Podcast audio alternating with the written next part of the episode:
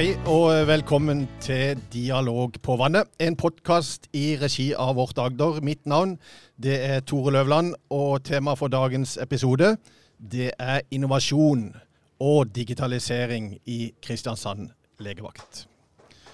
I denne podkasten, spilt inn om bord på skipet Mester av Rønne, som ligger til kai på Tyholmen under Arendalsuka, skal vi snakke om fremtidens legevakt og responssentertjenester. Med dagens utvikling utfordres helsetjenestene.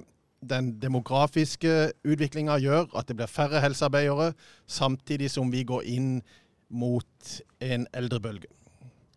Helsetjenestene har behov for modernisering og digitalisering, og det er dette dere jobber med i prosjektet Innovasjon og digitalisering i Kristiansand legevakt.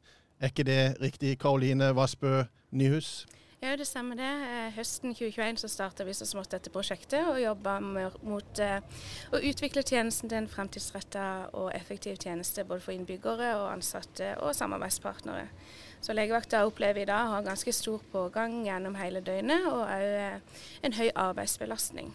Så vi er nødt til å tenke nytt hvordan vi skal eh, bruke ressursene våre. Eh, hvordan vi kan samhandle tjenestene imellom. Derfor er Responssenteret her i dag.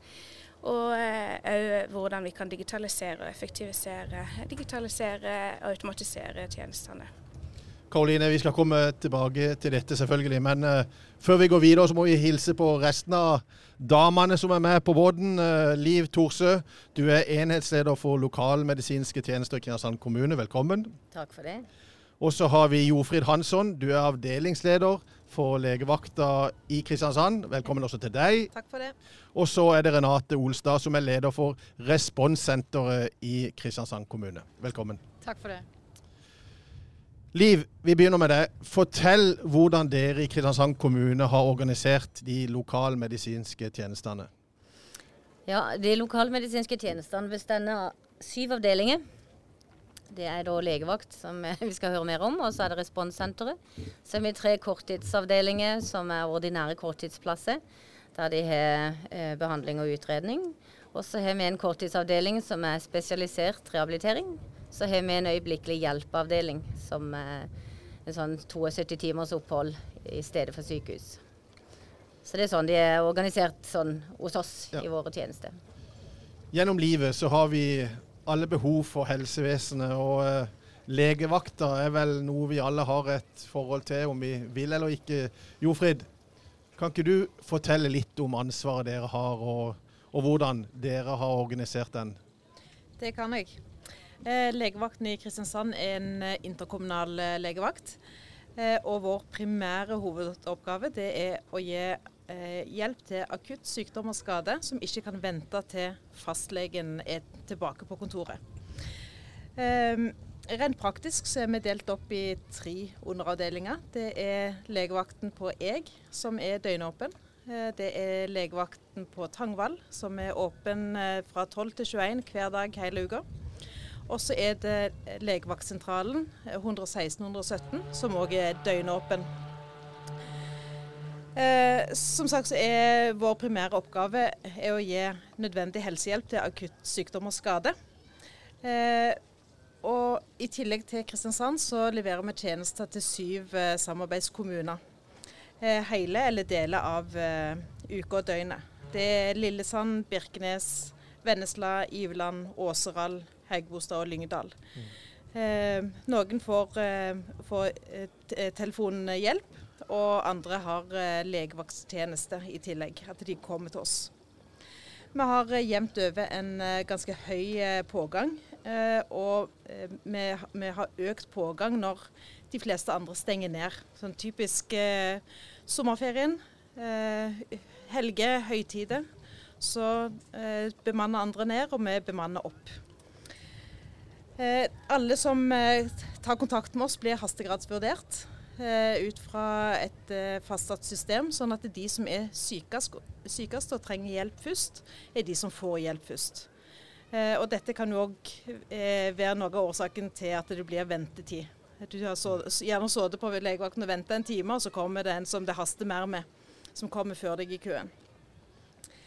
Vi har 50 fast ansatte sykepleiere, 12 fast ansatte leger og 80 fastleger som går i, i turnus hos oss. Nå har jo vi nettopp uh, gjennomført sommeren, eller vi er på hell da, kan vi vel si. Har stor uh, Har det vært en hektisk sommer for dere? Det har vært en veldig hektisk sommer. Disse festivalene som er i Kristiansand nå, mm. men uh, hvor mye påvirker de hverdagen? De påvirker, men vi begynner jo å få, få noen års erfaring med de. så, så vi tilpasser bemanningen ut ifra når vi erfaringsmessig vet at det er økt trykk. Ja. Legevakta er kjent for de aller fleste, som vi sa i stad, men uh, responssenteret det er kanskje ikke like kjent. Uh, selv om uh, dere gjør en utrolig viktig jobb. Kan du fortelle litt Renate, hva responssenteret er for noe? Det kan jeg gjøre. Det er nok riktig det du sier, at mange har kanskje hørt, hørt om oss, men det er ikke så veldig kjent på hva vi gjør. Men det starta faktisk for fem år siden, i 2017, der vi inngikk et samarbeid med 20 kommuner på Agder om å etablere responssenteret. Eh, I tillegg til det så eh, ble vi også en underleverandør til en leverandør som heter Telju. Eh, og det vil si at vi også leverer responssentertjenester til andre kommuner enn bare i Agder. Så um, Hovedsakelig det operatørene hos meg gjør, det er jo at det kommer inn en trygghetsalarm på mottaket. Uh, de sparer ut og vurderer er dette noe som skal til hjemmesykepleien eller er det til andre instanser. Og brukeren får hjelp der, da. Det er viktig hos oss at det er helsefaglig utdanna sykepleiere, helsefagarbeidere, vernepleiere uh, som sitter og tar imot. Og på den måten så klarer vi å sende ut riktig hjelp til riktig tid. Og det ser vi er en veldig, veldig fordel. Der er faktisk folk som trykker på trygghetsalarmen når de gjerne helst skulle ha ringt 113. Så da er det viktig at vi jobber etter uh, ulike rutiner og prosedyrer, sånn at vi kan få sendt ut hjelp på, på fortest mulig måte. Um, så det, de gjør en viktig jobb, det er ikke noe tvil om det. Og vi ser at det øker på med henvendelser. I fjor så hadde vi rundt 500 eh, 000 innkomne alarmer på mottaket hos oss. Jeg må spørre, jeg har en gammel mor på 92 som går med trygghetsalarm, og hun har ringt deg noen ganger. Hun har falt på badet f.eks. Hvordan klarer dere å oppnå kontakt med henne hvis hun ligger på badet og ikke har tilgang til noe telefon? og Nei, vi prøver alltid selvfølgelig å prøve å kartlegge over alarmen. Så vet vi også at den eh, ofte er på et helt annet sted enn der eh, man faller. Men eh, får vi ikke kontakt, så sender vi alltid ut hjemmesykepleien. Så dette er jo i de tilfellene hvor ikke vi får kartlagt overfor hjemmetjenesten at det her dreier det seg om et fall. Men får vi ikke svar, så sender vi alltid ut hjelp. Da er vi blitt litt kjent med hva dere jobber med. Det var litt av, av bakgrunnen for at vi tok den runden. Uh, og at det er noen viktige funksjoner, og at dere gir innbyggerne trygghet og helsehjelp når det, trengs, når det trengs. Men med dagens samfunnsutvikling så utfordres altså helsetjenestene. Det blir færre helsearbeidere, samtidig som det i Norge kommer en eldrebølge, og med det en større andel også kroniske sykdommer. Karoline, du sa noe overordna om prosjektet i starten, men, men fortell litt mer om prosjektet du leder. Mm.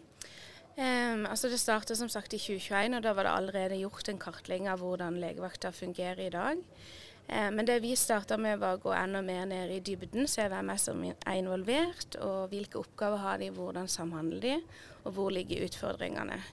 Uh, og Da fikk de ansatte komme med sine meninger og ideer. Uh, I tillegg så hørte vi med brukerrepresentanter hvordan opplever de egentlig tjenesten i dag. og eh, hvordan ser de for seg framtidas tjeneste, ikke minst. Så det gjorde at vi fikk et ganske godt bilde av dagens situasjon. Og så eh, har vi gjennom prosjektet da, eh, ønsket å prøve å finne bedre løsninger, sånn at eh, brukeropplevelsen blir bedre, men òg eh, arbeidshverdagen til de ansatte blir eh, bedre. Eh, gjerne oppgaver som kan digitaliseres eller automatiseres, som gjør at man får frigjort tid som kan brukes direkte på pasientbehandling. Og Der ser vi et eh, ganske stort potensial. Mm. Um, og så har jo legevakta ganske mange samarbeidspartnere. Um, både politi, ambulanse, eh, fastlege, kommunehelsetjenesten for å nevne noen. Så vi ser jo på hvordan vi kan samhandle best rundt pasienten, sånn at det skal oppleves sømløst, at pasienten er i sentrum. Um, sånn at uh, de får en god opplevelse da ved å komme til legevakta. Eh, så ser vi òg at det der er behov for eh, informasjon om hva legevakta skal brukes til. Eh, man skal jo fortrinnsvis bruke fastlegen sin når de har åpent, men legevakta er jo der når fastlegen ikke har åpent eller man ikke har fastlege. Mm. Så det jobber vi òg litt med, hvordan vi kan bedre informasjonen ut til innbyggerne. Um, og så ser vi på organisering av tjenesten. Eh, nå er jo både legevakt og responssenteret her i dag. og eh, Grunnen til det er at vi ser litt hvordan vi kan sambruke ressursene våre, og òg eh, utvikling og kompetanse, hvordan vi kan spille på hverandre. Liv, du er jo enhetsleder for disse tjenestene vi snakker om her. Hvor viktig er det at det lykkes nå? Det er kjempeviktig. Eh, det er helt avgjørende for at vi kan møte framtida, sånn som eh, forventningene er til våre tjenester, og forventningene til, til, effektivitet, til at vi skal svare raskt og være på pletten og, og være beredt til enhver tid. Så er vi helt avhengig av at eh, vi, vi får dette prosjektet i havn, og at vi får noen nye løsninger som gjør at vi kan jobbe smartere, rett og slett. Det betyr ikke at vi leverer dårlig da, eller eller at de som jobber på legevakta ikke gjør jobben sin eller gjør han dårlig. Det handler ikke om det i det hele tatt. Men forutsetningene for at vi skal lykkes i dag, eh, er ikke til stede. Masse manuelle prosesser som kunne vært løst på en annen måte. Og en ser jo at det private er jo kommet mye lenger enn det offentlige på masse digitale løsninger. og bare ta det med legevaktsentralen. Der går det lang tid før du i det hele tatt eh, kommer til poenget når du er ringt inn. For dette må registreres manuelt. Hvem du er, hvilken fastlege du har. Alt skal sjekkes før du kommer til hva er, hva er problemet, hva trenger du hjelp til. Så dette kan absolutt eh, løses på en annen måte. Og så tror jo jeg at eh, når vi får eh, jobbe med disse løsningene og finner andre smarte måter å jobbe på, så kan det eh, kanskje brukes av andre tjenester. Andre av våre tjenester kan benytte seg av den samme teknologien, samme løsningene. som er overførbart til andre. Så har vi jo rekrutteringsutfordringer. Det, det, renner ikke over med sykepleiere som ikke har jobb i dag. Legene er heller ikke uten arbeid i dag. Så vi må liksom bruke ressursene på en annen måte, tenke annerledes. Og det må både vi som bruker tjenester, og vi som er i tjenestene og jobber med det i dag. Vi må tenke annerledes. Renate og Jofrid, dere er jo tett på dette. her, da Responssenter og legevakter. Hva er den største utfordringa for dette prosjektet?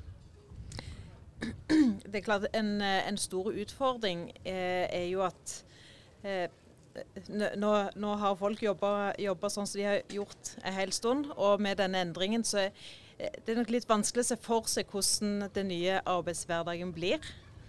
Eh, en går fra noe som er kjent til noe ukjent, og det ligger, kanskje litt i men menneskets natur å synes at store endringer er litt skummelt. Vi er ikke så glad i det? Nei, nei vi, er ikke, vi er ikke så glad i det. eh, og det, det, er, det er, litt, litt sånn ny, nybrottsarbeid. Det er ikke så mange som har gjort det før. Så vi har, vi har ikke så mange å, å, se til og høste erfaring fra. Eh, så det er, det er en stor utfordring kan jo da også legge til at med, med samorganiseringa som eh, hvor legevaktsentralen og responssenteret skal, skal eh, samorganisere, så tenker jeg at det, det er en utfordring som, som, vi vet kommer. Det er, som vi var inne på i stad, endringer er aldri gøy. Um, og jeg tenker at uh, Fra min del så er det en stor ydmykhet å gå inn i en sånn type rolle, hvor en skal ha ansvar for både responssenter og legevaktsentral. Eh, men jeg tenker at jobber vi sammen, så tror jeg det kan bli bra. Og vi er nødt også til å tenke helt nytt. Eh, men det er klart at det er to ulike tjenester som må forholde seg til, til hverandre. Eh, det blir ny leder for, for enkelte ansatte. Nye rutiner, og, og, med det fokuset vi skal ha på digitalisering, som nok kan være litt sånn skummelt for, for enkelte. Men jeg har troa på at dette blir veldig bra. Nå snakker dere om samlokalisering, men hvilke andre løsninger ser dere på, Karoline? Og mye forskjellig. Eh, når vi gjorde kartlegginga, så kom det jo fram det at de fleste ønsker å klare seg sjøl. Eh, så vi har sett på selvhjelpsløsninger, om eh, vi kan bidra til at man finner pålitelig informasjon eh, der ute som gjør at man kan klare seg sjøl. Eh, og kanskje slippe å ringe til legevakta for en bekreftelse på noe man ja, egentlig ikke trenger. Eller eh, at man i hvert fall kan ja, klare seg sjøl eh, lenger. Mm. I tillegg så er jo eh, informasjon i forhold til sånn sesongbasert informasjon. Vi opplever eh, f.eks. nå om sommeren eh, folk som ringer i forhold til hoggormbitt. Hva gjør jeg hvis jeg får hoggormbitt, eller eh, brente en brannmann, eller ja, den type ting. Og på høsten og influensasesong at vi kan være litt mer i forkant med informasjon ut til innbyggerne. Da, hva gjør jeg for noe i de ulike situasjonene, og når skal jeg ta kontakt med legevakta. Og så har vi fått en del tilbakemeldinger i forhold til ventetid. Eh, vi har jo snakka litt om det allerede i dag. Eh, og vi jobber jo som sagt ut ifra triasjesystem, så vi ønsker å øke forståelsen for at, hvorfor man må vente da når man eh, sitter på legevakta og noen andre kommer før deg i køen. Um, ja, og selvfølgelig så jobber vi med ventetid sånn generelt sett. Vi har sett på løsninger for um, legevaktsentralen. Altså når du ringer 116 117 kan vi avklare flere pasienter digitalt, f.eks. ved bruk av video- og bildedeling. Um, hvis uh, legen får se såret på video, så kanskje man slipper å reise inn for å få en vurdering om det må sys, eller uh, om barnets utslett trenger noe behandling. Så ja, det er noen av eksemplene på de tingene vi har sett. Men jeg vet jo at det finnes mye ting der ute som ikke vi, vi er klar over. Så vi har kartlagt behovene, og så prøver vi å være litt åpne på hva løsningene kan være for noe. Liv, hva er tidshorisonten for prosjektet? Det er vel eh, tre år, er det ikke det? I 2024 så skal vi ha landa noen eh, noen eh, løsninger. Det er iallfall planen. Og så er det jo eh, en del ting som skal gjøres underveis. da. Skal ikke, vi skal jo ikke jobbe med løsningene og så sette på startknappen. Det skal jo eh, være en kontinuerlig prosess i disse tre årene. De snakker jo litt om sammenslåing, at de skulle samlokalisere seg nå. Når, når skjer det? Den skjer i høst. Da Legevaktsentralen og responssenteret skal samorganiseres og samlokaliseres eh, på Valhalla. Ja. Det er jo en, en liten milepæl for dere? Det er det absolutt. Det er det. Du Karoline, gjennom denne podkasten så deler vi jo, eller dere deler erfaringer med alle som vil. Eh, mm. Men, men har dere samarbeid med noen andre kommuner som jobber med, med de samme tingene? Ja, så vi har vært i kontakt eh, med kommuner både på Agder og i resten av Norge og fått litt erfaringsdeling. Vi har vært på en sånn lederkonferanse for legevakter eh, som var nå i vår, hvor det var legevakter fra krinker og kroker i hele Norge.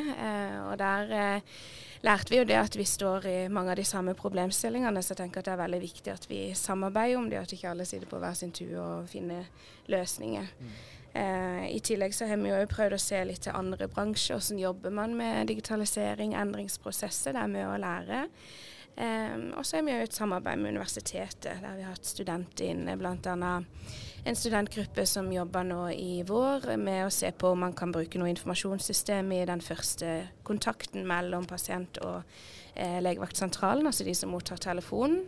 Og de lager da en løsning for eh, deling av bilder og, og, bruk av video og chat, eh, som utfordrer oss litt på hvordan kan vi tilby tjenestene og tenke annerledes enn det vi gjør i dag.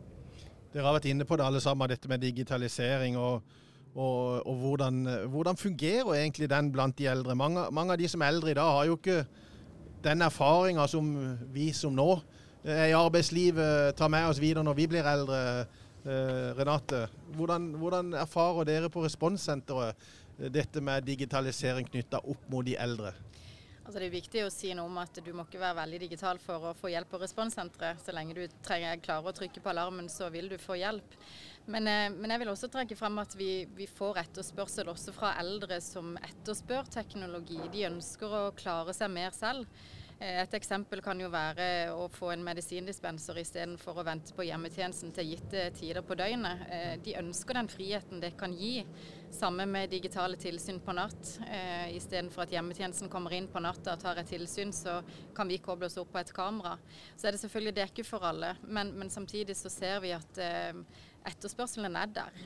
og jeg tror ikke vi skal tenke at alle eldre er redd for digitalisering. Jeg opplever vel at uh, det er mange som har en egen smarttelefon, holder seg oppdatert på nyheter og, og diverse. Så selvfølgelig er det en blanding. Dere er fra begge leirer her. Du, um, dette her, altså, spørsmålet blir litt altså, Hvor mye kan digitaliseres? Altså, for mange er jo menneskemøte, det å få lov å møte en lege, en sykepleier, det er jo det kanskje de, de ønsker. Jeg er ikke redd for at vi vi digitaliserer oss for mye, Liv. Eh, vil du si noe om det? Det er alltid en, det er alltid en fare for det. Men det må på en måte ikke stoppe oss heller fra å tenke nytt og til å, å gjøre ting annerledes. Og, og jeg tror òg de som jobber i dette systemet, òg kunne tenke seg å møte pasientene face to face og, og, og, føle at det er den beste måten å gjøre det på.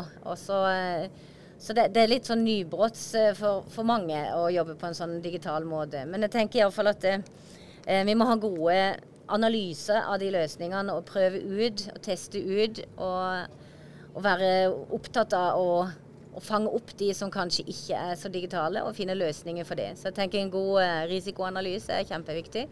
Og det å, å ha det i fokus hele tida, at ikke alle er så digitale til enhver tid. Vi må, litt, må fange de opp, de òg.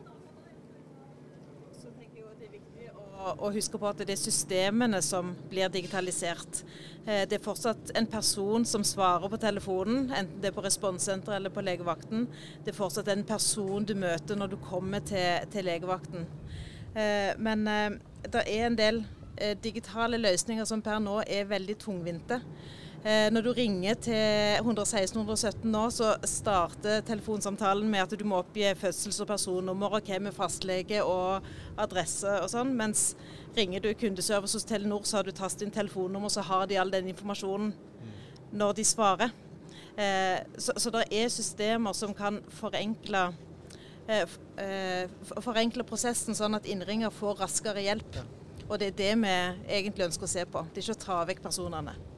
Karoline? Det at eh, Sykepleierne og legene som jobber på legevakt og responssenter, de gjør en utrolig viktig jobb. Og de må eh, kunne mye om eh, ja, mye forskjellig, ikke kun én ting om kroppen. Så om de kan få arbeidsverktøy som kan understøtte arbeidshverdagen, som kan gjøre det litt enklere, at de kan starte på en annen eh, plass med kanskje noe informasjon eh, i forkant av mottak av den telefonsamtalen, så er det et helt annet utgangspunkt eh, ja, til å hjelpe.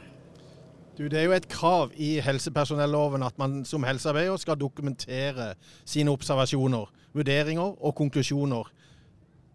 Dette er jo viktig for det at brukerne skal få sikre og trygge og faglige forsvarlige tjenester. Men, men det går, dette går vel også litt utover pasientene. og Hvordan kan man forenkle denne Du var inne på det med dette med hvis du ringer inn, at, du, at de har informasjonen din for det du ringer fra det telefonnummeret. Eh, er det en av løsningene? Ja, det, det, er klart Informasjonen eh, og dokumentasjonen som vi driver med på, i, i, helsetjenesten generelt, er jo lovpålagt. Eh, og den er, den er, jo viktig at eh, opprettholdes. Det har både med etterprøvbarhet og kvalitet å gjøre, men det har jo òg med, med, videre oppfølging enten du skal videre til spesialisthelsetjenesten eller komme tilbake igjen. Men, men, det er jo disse manuelle prosessene da, som, eh, som, vi ønsker å få gjort noe med. Sånn at en ikke kaster vekk dyrebar tid på ting som kan gjøres enklere. Ja, vær så god. Jeg tenker også at der, Vi vet jo det finnes enklere løsninger i dag. For et eksempel så finnes det jo såkalte diktafonopptak. Altså kunne man eh, eh, fått inn eh, pasientens journal rett i, uten å måtte dokumentere skriftlig selv, så tenker vi at eh, la oss se på det og se om det er noe som er mulig, for å spare tid. Karoline? Og så vet vi òg at det er på gang løsninger som eh, automatiserer eh, prosessen med dokumentasjon, sånn at alle tastetrykk til helsearbeideren blir dokumentert, sånn at det skal gå enda raskere.